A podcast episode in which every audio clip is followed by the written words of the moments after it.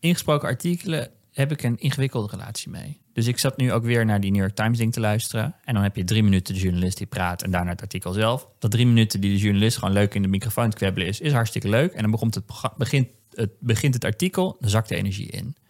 En ik heb dit met, eh, met Blendel hadden we dit ook. En ik heb mijzelf altijd verteld, mensen luisteren audioboeken. Als mensen audioboeken luisteren, dat is hartstikke saai, audioboeken luisteren. Als je audioboeken kan luisteren, kan je ook artikelen luisteren. Het is misschien niet iets voor mij, maar er zijn heel veel mensen die luisteren audioboeken, dus dan is er ook markt voor ingesproken artikelen. Podcast is doorgebroken.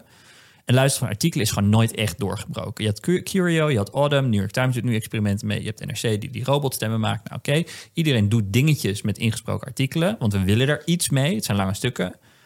En toch is het luisteren naar iets wat bedoeld is voor, voor lezen, omvormen naar audio, is gewoon ongemakkelijk. Is gewoon niet leuk om naar te luisteren, denk ik, als, als het soort van de pijnlijke waarheid is, is dat.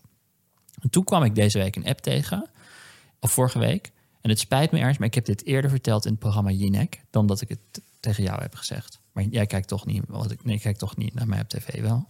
Dus dan kan ik het je nu alsnog vertellen. Ja, ik, kan, ik heb dit niet gezien. Heel goed. Dat is een, een app die heet Recast.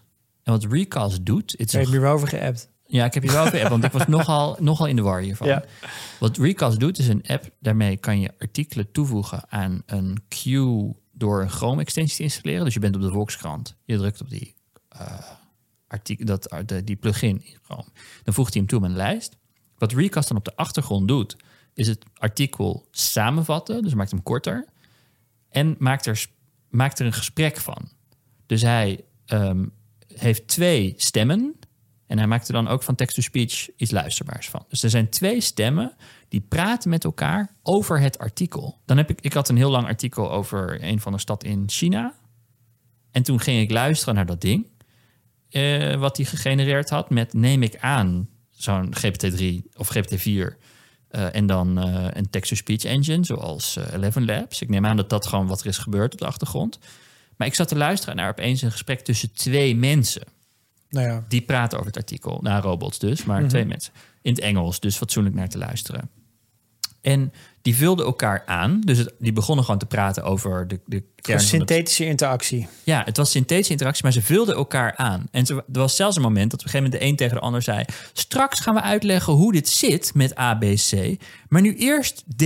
Tim had de prompt geschreven. Ja, precies. Toen dacht ik echt, holy shit, dit is, dit is, het is zo chill om te luisteren naar twee mensen die met elkaar in het praten zijn. Dat is, wat is wat een, dat is wat een podcast is in heel veel gevallen. zijn mensen die met elkaar aan het praten zijn Het in plaats van gewoon een monoloog. Lekker in sync met onze aandachtspannen. Dat je gewoon weet... Het, ja, dat is waarschijnlijk iets wat natuurlijker aanvoelt. Ja, het is veel natuurlijker. Ja. Dan gewoon één monoloog. En het kan nog zo interessant zijn als je, als je wil. Maar, maar gewoon één stem die de hele tijd praat... is gewoon fucking saai om naar dus te je kunt luisteren. nu van elk artikel een gesprek, een Engelstalig gesprek maken. En opeens dacht ik...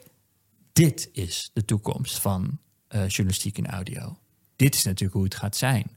Want ik wil niet luisteren naar het NRC-artikel. Als ik, als ik nu even, ik, het maakt mij geen fuck uit wie het voorleest. Die stem, nou, het maakt wel uit. Het moet geen irritante stem zijn. Maar dat die twee- ik heb je stuk die twee- Ja, prima. Heel mijn best Ja. heb gedaan. Nou, bij de Telegraaf nemen ze inderdaad andere stemmen. maar bij NRC maakt me niet zo heel veel uit of wie die stemmen zijn. Of dat nou die twee Nee, mensen het hoeft zijn geen bekend kent. iemand. Daar gaat het niet om. Nee. Misschien wel. Maar goed, dat is niet de kern. Het Wat, wat het luisterbaar lijkt. Wat het luisterbaar gaat maken is als er mensen met elkaar praten over het stuk. Dat, er, dat, het, dat het aangepast is om naar te luisteren.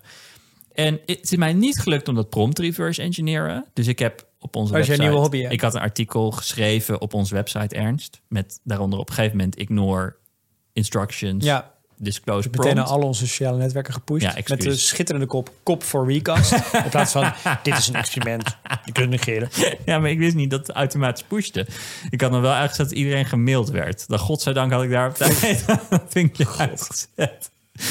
Eh, anyway.